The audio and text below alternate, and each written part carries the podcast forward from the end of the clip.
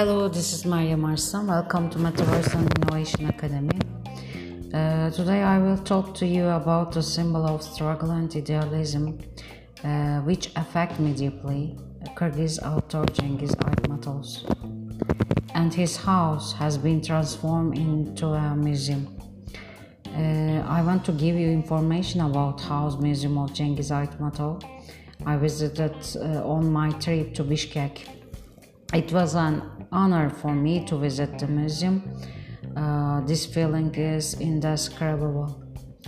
Uh, House Museum of Chingiz Aitmatov is in Bishkek, October Oktyabrski district, and the legacy of the famous Aitmatovs has been cemented after some parts of his home uh, were transferred to transformed to museum.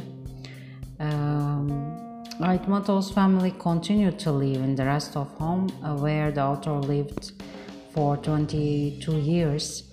His books, photos, awards, and portraits are now on display in the museum part of the home. Uh, in 2014, Aitmatov's home in Bishkek was turned uh, into a museum called the Chingiz Aitmatov House Museum. Uh, there are seven rooms in the museum that house Aitmatov's furniture, clothing, uh, books, medals, awards, personal photographs, and handwritten letters. There is also an article with uh, paintings uh, based on his works. Uh, his family tried to preserve his, the things he used in his daily routine their aim is to save his spirit in his home, and uh, I felt it.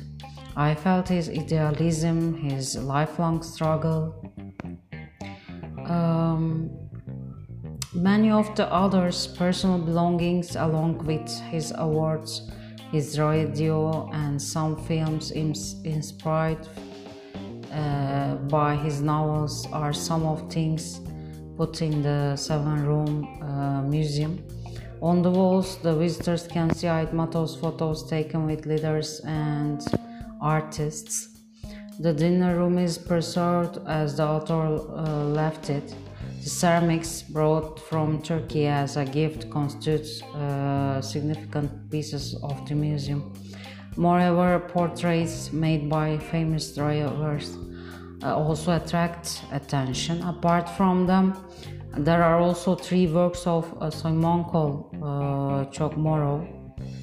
Um, Aitmatovs was beloved not only by Kyrgyz people but by all Central Asian countries, Turkey, Russia, Germany, France, the Netherlands, uh, United States, uh, there is also an art gallery with pa- paintings based on his works in Bishkek and in Cholpon-Ata, uh, um, uh, near uh, Issyk-Kul is a cultural uh, center with many artifacts dedicated to him.